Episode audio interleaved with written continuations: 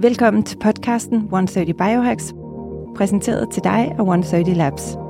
130 Labs er et moderne sundhedsstudie, hvor vi omhyggeligt har udvalgt de nyeste og mest effektive og videnskabeligt veldokumenterede behandlinger og teknikker til at forbedre din sundhed og dit velvære. Alt 100% naturligt.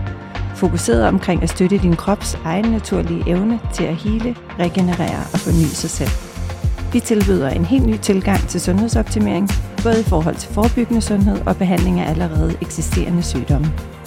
I vores podcast 130 Biohacks dykker vi ned i videnskaben, strategierne og hemmelighederne bag sundhed og et langt og velfungerende liv.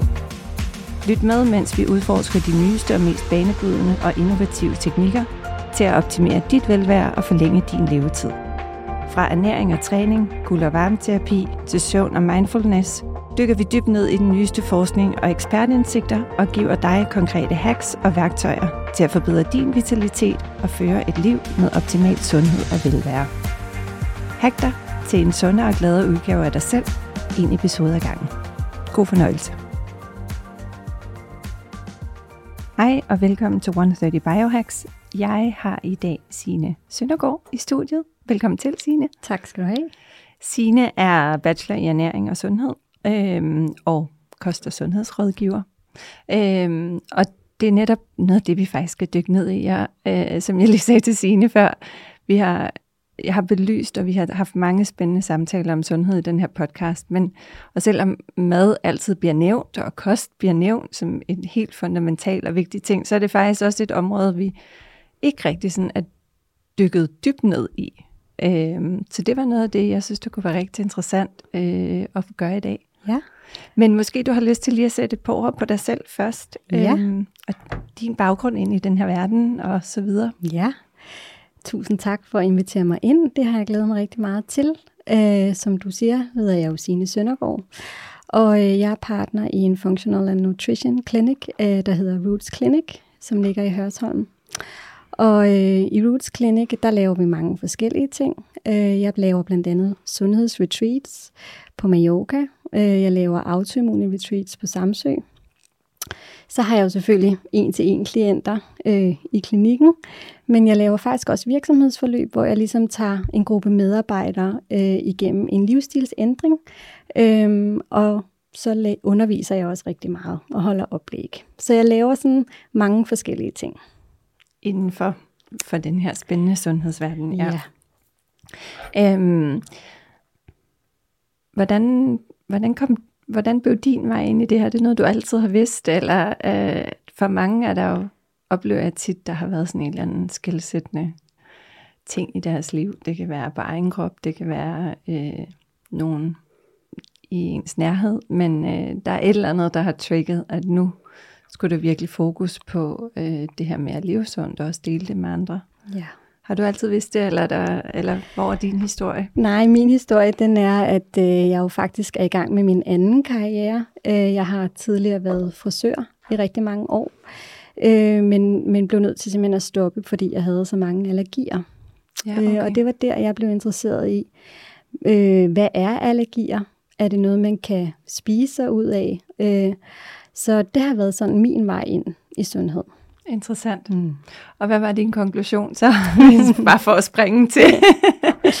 Jamen det er jo, at jeg jo har spist mig rask fra allergier. Ja. Øh, så det har jo været helt en, en lang og sej rejse øh, med rigtig, rigtig meget viden, som jeg har skulle lære, og måder, jeg har skulle navigere i mit liv. Øh, så, så det har været en rigtig lang rejse. Hvad er direkte øh, relateret til altså, når man står som frisør, at de forskellige øh, farvestoffer og mm. toksiner, der øh, helt sikkert er i det? Øh, eller var det noget, var det afledt, altså var der allergi, der af, kom, var afledt af? Øh, altså arbejde? allergi er jo komplekse, Ja, øh, og man ved øh, faktisk ikke så meget om det, men nu der er rigtig, rigtig mange studier, der peger mange forskellige retninger. Men det handler jo meget om det miljø, øh, man har været udsat for. Og man kan jo ikke se her, men jeg er jo adopteret fra Sri Lanka, ja. øh, og var tre måneder, da jeg kom til Danmark. Øh, så jeg var heldig faktisk at blive ammet af min mor, min biologiske mor, men da jeg kom til Danmark, var det jo ikke længere en mulighed. Så jeg fik modermændserstatning, for jeg var tre måneder gammel. I Ja. dag ved man jo, at, øh, at øh, 75 procent af jordens befolkning øh, faktisk er laktoseintolerante. Vi mangler simpelthen det enzym, der hedder laktase i vores tarme til at nedbryde det her laktose. Så jeg var jo et ørebarn med mange infektioner, øh, som senere også udviklede sig til astma og forskellige allergier. Okay, ja. så det er sandsynligvis noget, der er kommet helt fra du var lille baby, det, og det er jo så ja. også lidt tilbage til et emne, vi også har adresseret herinde, i forhold til hele vores tarmflora og det her microbiome, mikrobiom, ja. øh, med et fancy ord, og, og vigtigheden af at have den rette bakteriesammensætning, og den ja. kan jo der er der meget, der tyder på, det er vigtigt med for eksempel en naturlig fødsel. Det er også derfor, det er vigtigt med at blive ammet. Mm-hmm. Øh, og, og en masse andre ting, der kan ja. spille ind. Har man fået penicillin øh, i forbindelse Nemlig. med fødslen, eller ja. lige efter. Ja. Mange ting, der kan, der kan ødelægge den her øh, sunde tarmflora. Ja. Man kan sige, at i dag vil man heller ikke anbefale et ung menneske at gå i lære som frisør, hvis personen øh, døde med mange allergier i forvejen. For som du siger, når man så også står i et miljø fyldt med masser af toksiner, jamen så bliver man jo udsat yderligere for, øh, for, øh, for forskellige kemikalier. Ja. Øhm, jeg flyttede også til London, hvor jeg boede i rigtig mange år, og havde stort set den største del af min karriere.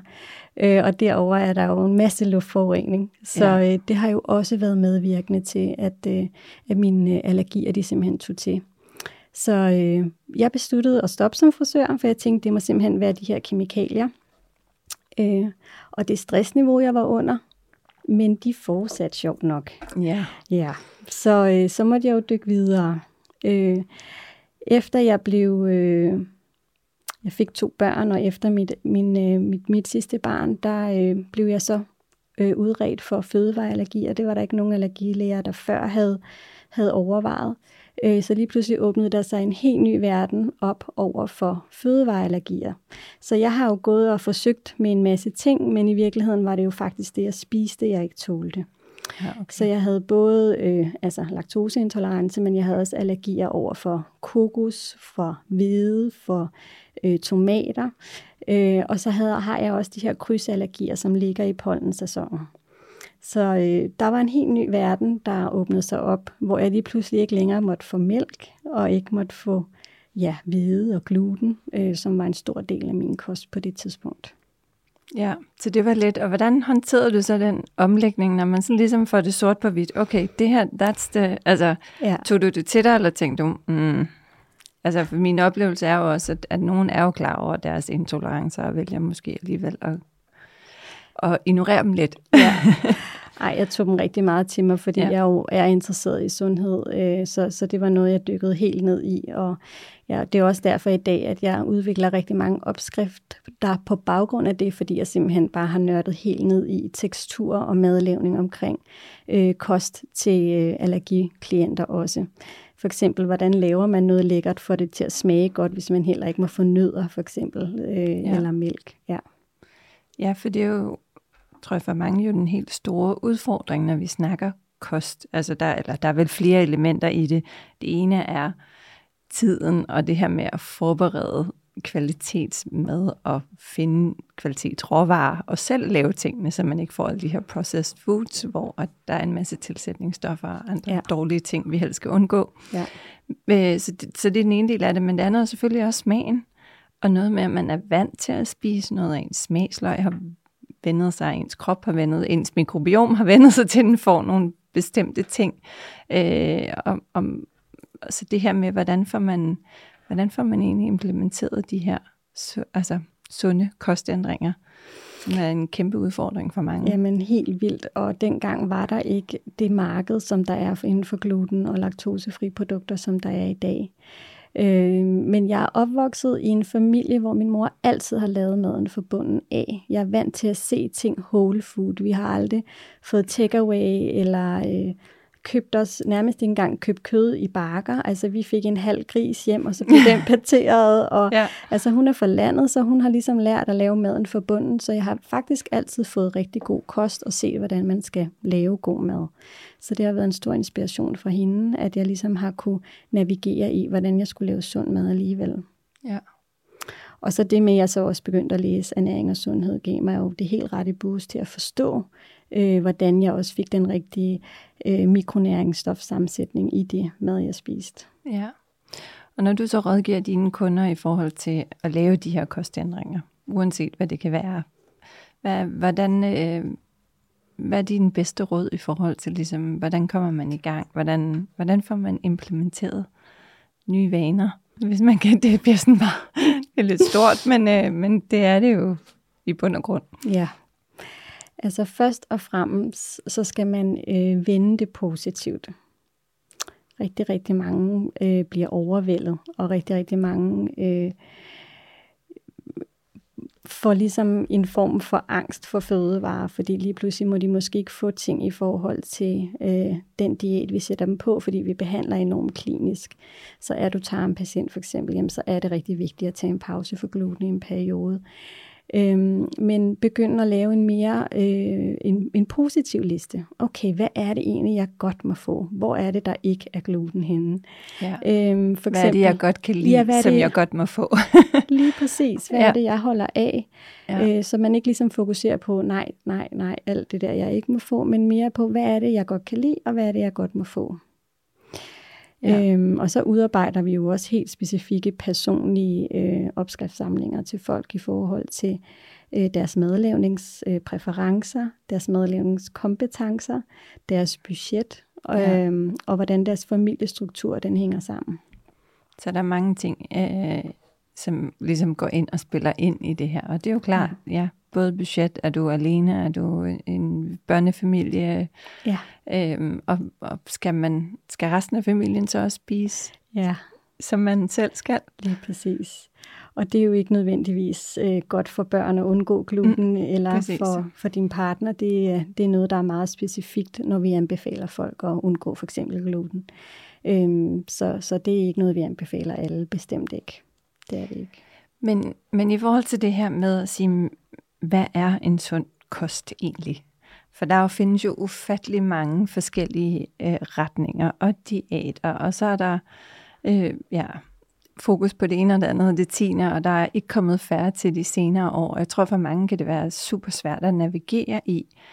Og selvom du måske ikke, altså et er at have et konkret problem, du mm. gerne vil løse gennem kostændring, men også bare at sige, okay, jeg har det egentlig okay, men jeg kunne godt tænke mig, jeg vil gerne spise lidt sundere, mm. og nu har man også hørt, okay, jamen, det er også godt for alle mulige andre ting, og øh, min overordnede sundhed øh, generelt, hvis jeg spiser flere grøntsager og så videre, og så videre. Men, men hvordan, øh, hvad er din tilgang og anbefaling i, hvordan navigerer man i det her, hvor starter man henne, og ja, hvad, er der noget right and wrong, eller er det hele bare individuelt? altså, det er mega individuelt. Det er det. Øhm, man skal jo altid kigge på, hvad, hvor er ens alder? Hvor er man i livet? Er man mand eller kvinde? Øh, hvad slags træning øh, laver man? Laver man øh, Øh, hård cardio eller hård styrketræning, eller er man mere til kun at lave blød yoga og gåture? Øh, er man på vej i overgangsalderen, eller vil man egentlig gerne blive gravid? Altså, der er jo hele tiden forskellige øh, faser i ens liv, så derfor er det individuelt. Men overordnet, hvis vi skulle kigge på noget overordnet, øh, så tror jeg, at det at anskue den mad, vi spiser, som kærlighed til sig selv, øh, gør, at man lige pludselig slipper de her øh, forskellige retninger en lille smule øh, hvad der er forkert og hvad der er rigtigt. Øh, fordi hvis man ser den næring, man har på tallerkenen som medicin eller kærlighed for sig selv og til sig selv, jamen så øh, har man lige pludselig lyst til at tage nogle helt andre valg i sit liv. Ja, det giver god mening. Det er en meget fin øh, metafor. øhm, og jeg synes også, det du nævnte før med den her positive liste, ikke? Altså, at man går lidt væk fra, for jeg tror, det bliver jo manges obsession, også hvis de skal gå på en diæt eller de her famøse slankekur, som jeg aldrig personligt har troet på, øh, gør noget godt long term. Men, men det her med, at, at, at så bliver du så fokuseret på alt det, du ikke må, og det, du ikke kan, og det, du, altså, at det kommer til at fylde meget mere. Ja. Øh, og så bliver det også sværere, og så ja. bliver det sværere at holde. Øh, og så igen, så tror jeg bare heller ikke, der er jo ikke nogen mennesker, der har, synes, det er sjovt at leve i lang tid under en masse nejer, og det kan jeg ikke, i stedet for at prøve at vende det om, som du siger, sige, okay, jeg har taget nogle valg, fordi mm. jeg faktisk får det meget bedre af det. Ikke? Nemlig.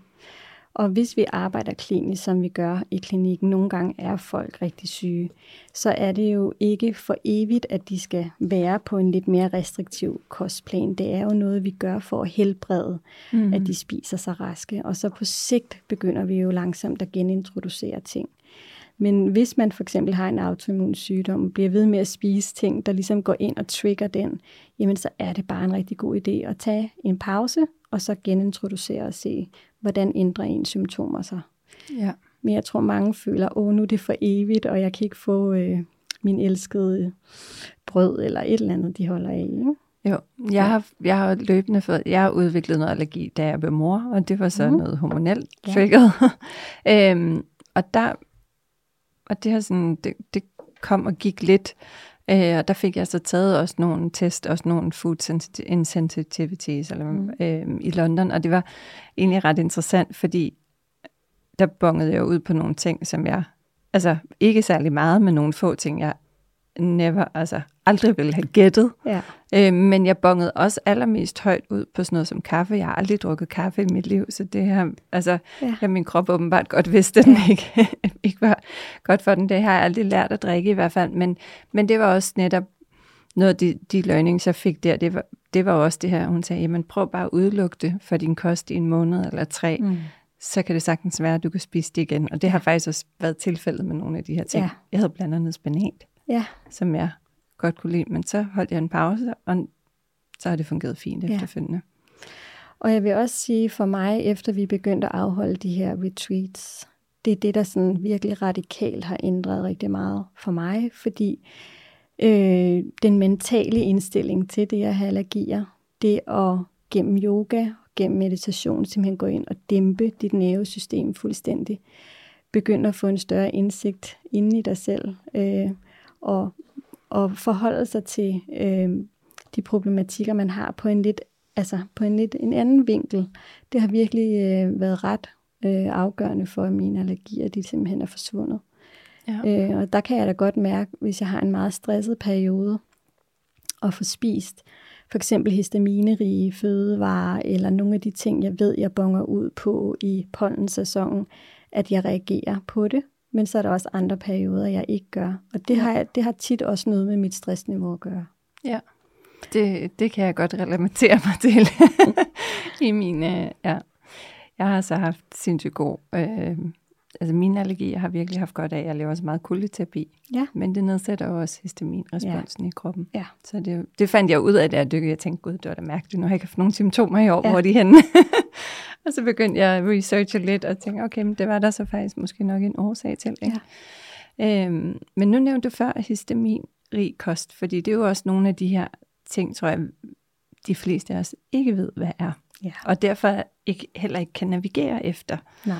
Øhm, og, og det er jo et af at finde ud af, nu ved de fleste nok godt, hvis de har allergier, ikke nødvendigvis for hvad, men, men, men at, øh, at ting kan trigge. Men hvad er histam, histaminrig kost? Er det, kan man sætte lighedstegn med noget over mod inflammation, eller er det to helt forskellige ting? Det er to forskellige ting. Øhm, hvis en kost er, er histaminrig, så er det fordi, at fødevarene de ind, har et højt indhold af naturlige histamine. Ja. Øh, for eksempel ting, der har lagret. Altså øh, for eksempel øh, fisk, der er blevet fanget og har ligget nogle dage, eller kød, øh, der også har ligget nogle dage. Øh, det kan også være øh, vin, alkohol. Ja. Øh, det kan være eddike. Øh, og du finder det faktisk også i fermenterede fødevarer, fordi de også har stået i lang tid. Konserves og så videre. Øh, så, så de danner lige pludselig en masse histaminer. Men det findes faktisk også i spinat. Ja.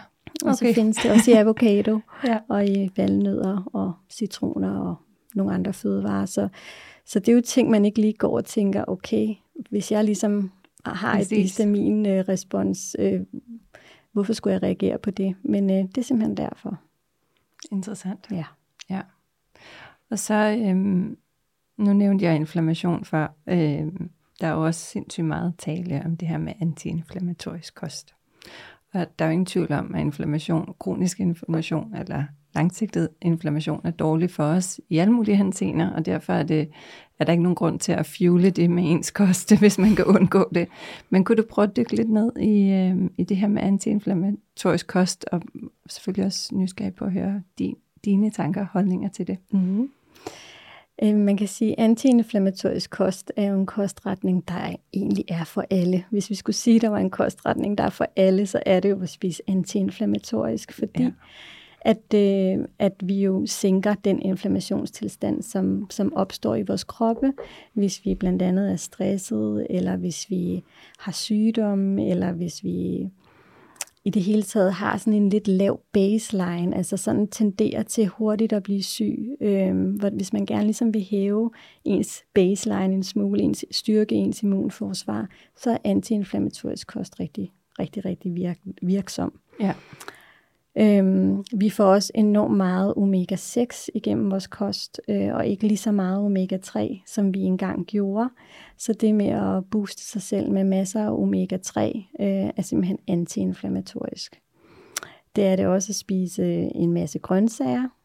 Øhm, og det er jo sådan altid det, som kan være svært for mange med de her grøntsager. Det er jo, det er jo number one, ikke? når ja. man hurtigt lige netop berører sund kost, mm. så, øh, så kommer der som regel antiinflammatorisk ind, og så kommer der netop grøntsager, og rigtig mange af dem. Ja. Øh, så, men, men som du siger, det er bare en svær størrelse for rigtig mange mennesker at arbejde med, men også sådan, jeg tror egentlig ikke, jeg tror, der er mange, der har lysten, mm. men ikke ved det her med, hvad, altså et, hvilke grøntsager, hvordan får man nok, hvordan får man skabt noget, der giver, giver en ordentlig mæthedsfølelse, og også er lækkert, mm. og noget, man har lyst til at spise. Ikke? Den her jo. kærlighed, du talte om før til, ja. til kroppen, som ja. også giver en glæde, så det ikke bare bliver sådan at sidde og, og gnave sig igennem ja. sådan en ja, ja. et grønt tallerken.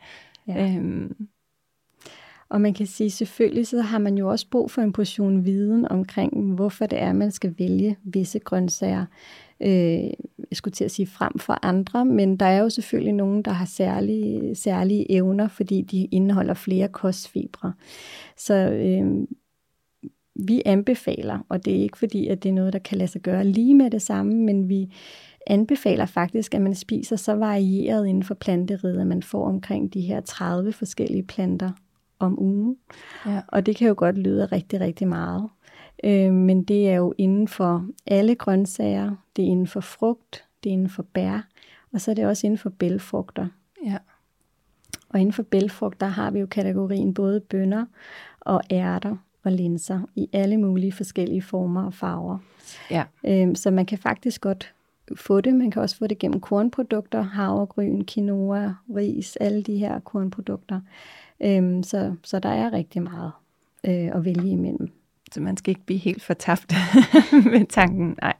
Nej. Øhm, og, og et er, at man kan sige, at få skabt den her variation. Så er der også det her, øh, tror jeg, også sådan øh, evig diskussion omkring kød. Og et er vores miljø, og der er alle mulige årsager til ikke at spise for meget kød, øh, og fisk for den sags skyld, mm-hmm. set ud fra det perspektiv. Men, men er der nogen, altså er det, er det tilbage til den individuelle øh, tilgang, eller er der nogen, har I nogen sådan anbefalinger, hvor I siger, så prøv at holde det til to gange om ugen, eller hvordan, øh, hvordan er jeres syn på det?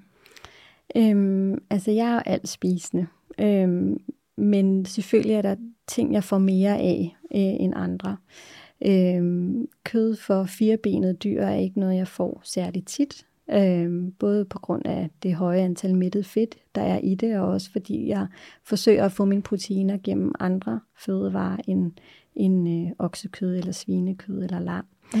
Så det er noget, jeg får sådan ved særlige lejligheder faktisk, og virkelig nyder, når jeg får.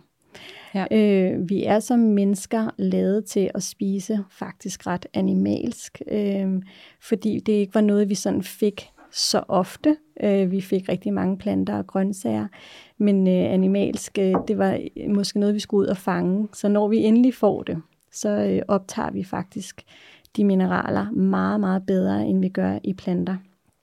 Øh, blandt andet jern øh, optager vi, altså biotilgængeligheden i jern og i, i øh, proteinet. Der er også et fuldt aminosyreprofil i, øh, i kød for eksempel. Ja. Så på den måde synes jeg, det er noget, man også skal have med i sin kost indimellem.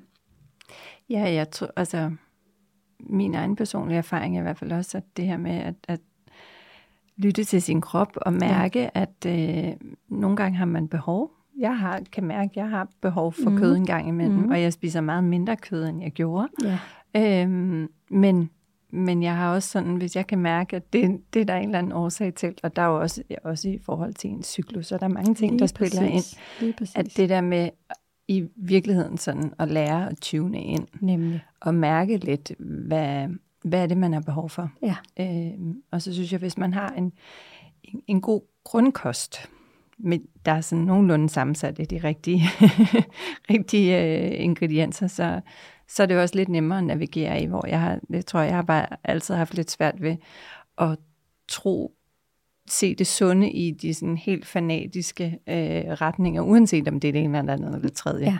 Ja. Øh, og igen, øh, folk, alle har jo deres valg, øh, og det har jeg også fuld respekt for, men, men jeg tror, der er et eller andet, der er en årsag til, at, at vi har behov for noget variation. Ikke? Ja, jeg, jeg tror, du har helt ret i det der med at mærke efter. Altså det med at mærke efter, hvad er det, jeg egentlig har behov for. Særligt ja. op til en menstruation er det jo rigtig vigtigt, at vi har nok jern som kvinder, og der er kød altså virkelig en god kilde til ja. jern. Det er meget, meget, meget svært at spise sig til høje jernniveauer igennem spinat for eksempel. Så, så jeg tror helt sikkert, det der med at mærke efter, er noget af det, vi generelt har svært ved som mennesker, fordi vi jo har et rigtig travlt liv og har rigtig mange påvirkninger udefra, øh, som gør, at vi ikke har så meget tid til os selv. Så prøv at lytte lidt efter, som i alt andet, også med kosten. ja. Øhm, en anden ting, når vi snakker øh, kost, som vi næsten ikke kan undgå at tælle ind i, det er faste, mm-hmm. som jo også er et øh, populært emne, øh, og noget mange er store tilhængere af. Har du en holdning til, til det? Mm-hmm. Ja. Ja, faste kan jo rigtig, rigtig mange ting, og det har I jo sikkert også talt om her før. Øhm, og det er også igen noget, som øh, vi anbefaler mange, men ikke alle. Ja. Øhm, så derfor så skal man også være ops på, øh, om man er kvinde eller mand, øh, hvordan Præcis. man træner, øh, om man øh, er gravid eller ammer for eksempel, eller hvor man er i sin cyklus. Øh, det er for eksempel ikke så smart at faste op til sin cyklus eller under, men det kan faktisk være ret gavnligt øh, efter, og i, det, i den pause, man ligesom har ja. i sin cyklus. Øh, hvis du har et lavt stofskifte, så er det faktisk heller ikke særlig smart at faste. Øh, men vi anbefaler alle at faste 12 timer som ja. minimum. Og der er jo rigtig mange, der spiser et eller andet sødt efter deres aftensmad, fordi det er hyggeligt, øh, fordi det er en vane. Øh, men hvis man lige pludselig spiser omkring de her 9-10-tiden, og så går i seng, så går det jo ind og forstyrrer ens søvn rigtig meget. Og det går også ind og forstyrrer ens faste, ved at man så måske spiser morgenmad allerede ved en syvtiden, og dermed ikke har fastet de her 12 timer. Øhm, så, så som minimum anbefaler vi 12 timer, øh, men gerne mere, hvis man har de rette omstændigheder. Ja. Øh, gerne 14, 16 eller 18 eller 24 indimellem, hvis, øh, hvis man har behov for det det er jo med til at sænke så mange øh, udfordringer, som for eksempel forhøjet kolesterol og forhøjet blodtryk. Øh, det er også med til at stabilisere ens metabolisme. Hvis man døjer med en overvægt, kan det også virkelig have en gavnlig effekt. Men det, jeg anbefaler mine klienter, det er altid at sørge for at spise i det spiserum, man så har.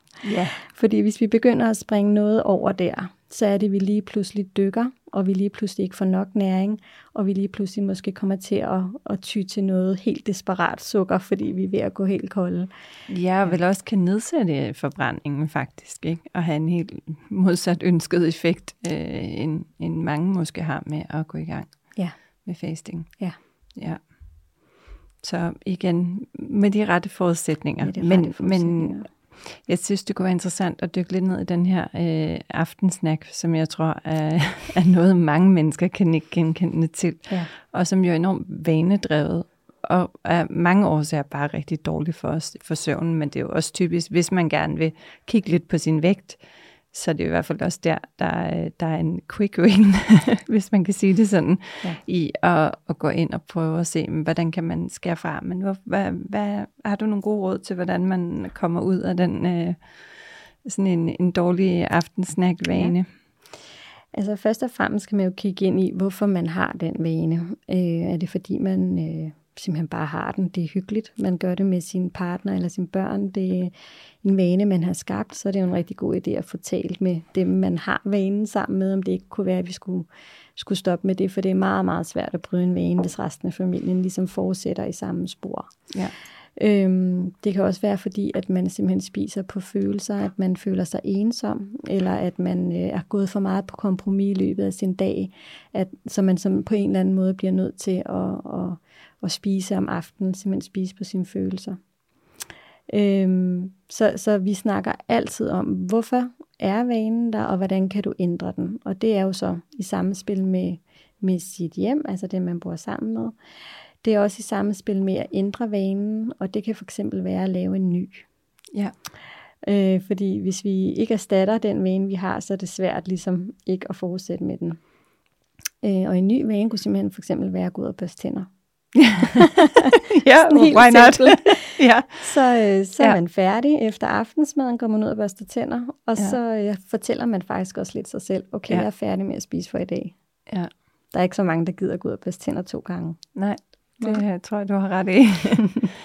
er der noget, altså, er der noget et eller andet, altså, er det bare at tage en kold tyrker, eller er der en eller anden udfasning? Er der nogen, kan man erstatte noget? Mm. Nu kan man sige, nu snakker vi spise, men hvis nu det var øh, chokoladen eller slikskålen om aftenen, kunne man starte med at erstatte det med noget frugt yeah. eller noget yeah. sundere, og så, eller hvad ved jeg, ja. vil tappe ud ja. øh, den vej rundt. Ja, det er altid en god idé også at prøve det.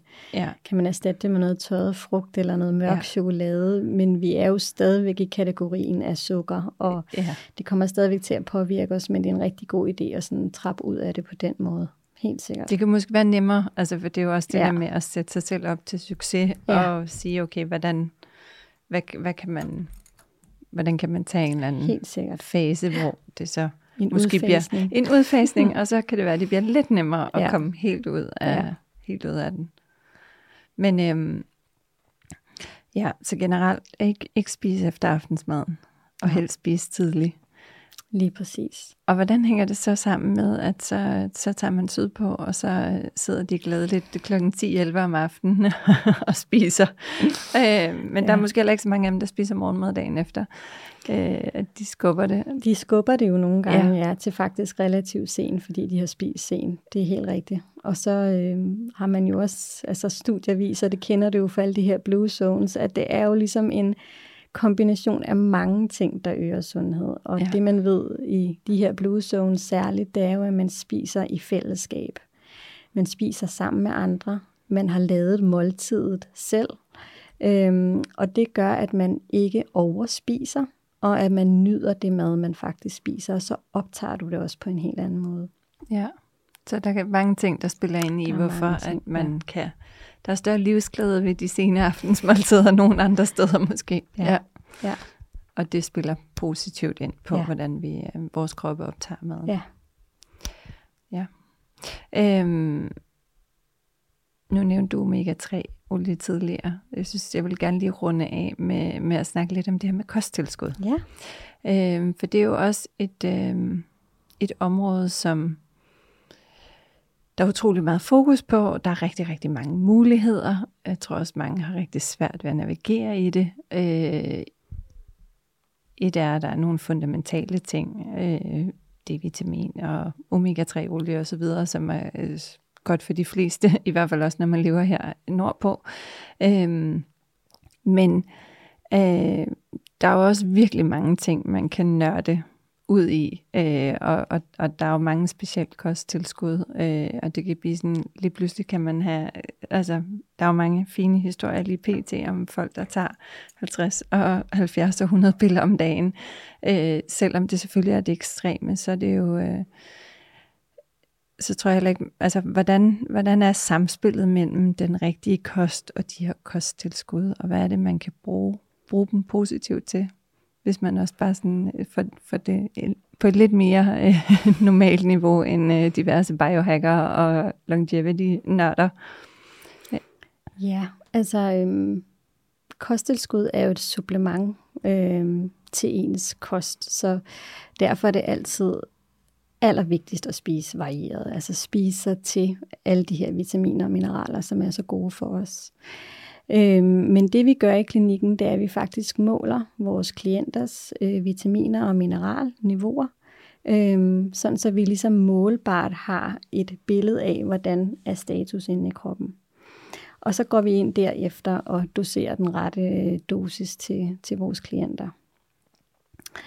Jeg har det personligt sådan selv med kosttilskud, at det er noget, jeg igen også øh, bruger ved at mærke efter, hvor jeg er øh, på årstiden. Øh, for eksempel har jeg ikke øh, brug for øh, lige så mange vitaminer og mineraler om sommeren, fordi jeg får spist meget mere varieret og, og har indtryk af også, at alle de her grøntsager har en meget større næringsværdi, øh, end de har om vinteren. Mm. Øhm, det er også rigtig godt at få taget en pause nogle gange for kosttilskud, fordi man kan gå hen og blive sådan helt immun over for dem. Øh, så på den måde, så, så mærker jeg faktisk ret meget efter, hvad er det, jeg har behov for.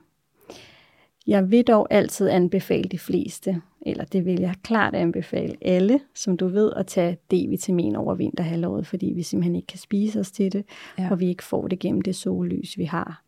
Øh, og jeg starter også selv op med at tage en multivitamin af god kvalitet øh, omkring oktober-november for at styrke mig selv øh, igennem vinteren. Ja, og det er jo også, altså jeg tror, nu sagde du også supplement, supplement, og det er måske også, det er i hvert fald min personlige holdning også sådan, jeg tror det er vigtigt, man måske anskuer, at det er et supplement. Man kan ikke spise sig sund i kosttilskud alene. Nej. Øh, og det er jo det her med, at, at det er så nemt at gerne vil søge de der quick fixes, og det er lidt nemmere end at skulle begynde at øh, købe ind og købe bedre råvarer og lave en masse retter, der tager tid, i stedet for lige at hente den der takeaway, eller hvad det nu kan være. Mm. Men, men løsningen, altså det er vigtigt, men løsningen ligger ikke alene der. Det er et supplement, og det er ja. noget, der kan, der kan stå for sig selv. Man kan sige, at du er det, du optager. Så, så det er jo også meget individuelt. Hvordan er din tarmflora simpelthen baseret? Hvordan har hele din, din, øh, dit tarmmiljø det? Optager mm. du egentlig de her vitaminer? Øh, det er jo også meget, meget forskelligt i forhold til hver enkelte person, om de overhovedet optager det, de, det supplement, de tager. Der ved man, at vi optager meget bedre for den naturlige kost, vi spiser. Inden for, for kosttilskud. Ja, ja. ja altså, nu sagde, altså, som du selv er inde på, det her med, vi oplever i hvert fald også, at der er mange, der gør, du kan sagtens tage noget D-vitamin, men er det den rette dosis? Mm-hmm. Øh, og kigge også være lidt kritisk på, at kigge på, øh, når man køber sin kosttilskud, mm-hmm. hvad er det, hvor meget er der af de forskellige, øh, øh, hvad hedder det, ja, vitaminer i, mm. ikke? for det kan også variere meget, og nogle gange kan ting være markedsført rigtig godt, ja. øh, men indholdet måske ikke helt følge med det, der bliver ja. lovet. Øh, så, så også være lidt kritisk, i hvert fald nysgerrig på, øh, hvad er det for nogle doseringer, og så også netop være opmærksom på, at vi optager det forskelligt, så en, den rette dosering for dig kan være anderledes end, end den, ja. jeg har behov for, ja. og så videre. Ikke?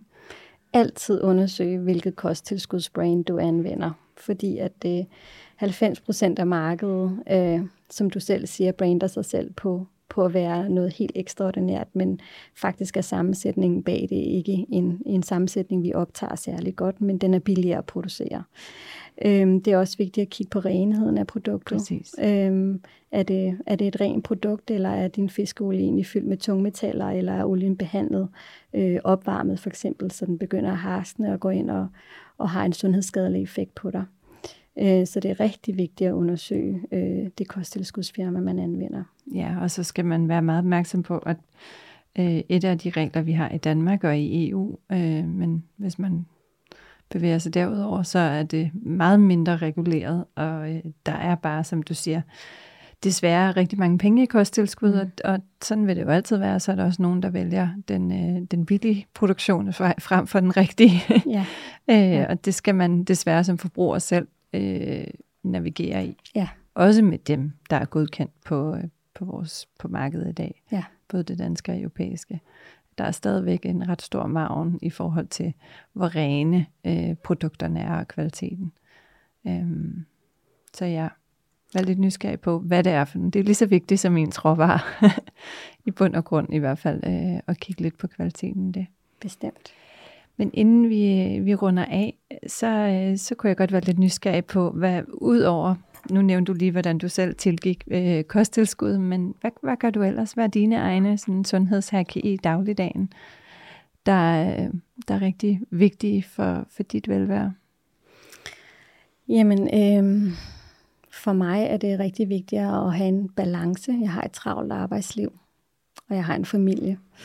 Øh, men jeg ved også, at min, min træning er altafgørende for, og min livsstil er altafgørende for, at jeg kan arbejde på, på det niveau, jeg gør. Øhm, så, så for mig er det med at bevæge mig hver dag på den ene eller anden måde det aller, aller vigtigste for mig. Og så er det at variere min træning. Øh, jeg både løber, og jeg går, og jeg laver yoga, og jeg laver styrketræning og reformer. Altså jeg varierer ligesom øh, min motion, så godt jeg nu kan. Og det kan også godt være, at jeg kun går 10 minutter, at ja. jeg ikke når mere. Men så sørger jeg måske for, at de 10 minutter, de kommer til at være ude i det her smukke morgenlys, som også er rigtig, rigtig vigtigt for mine faktisk søvnhormoner senere hen, at jeg får en god nattesøvn. Øh, og også stimulere øh, alle mulige gode lykkehormoner. Ja. Øhm, så, så på den måde, så, så prøver jeg altid på en eller anden måde at sætte mig for at have noget bevægelse ind hver dag. Så spiser jeg jo enormt mange grøntsager.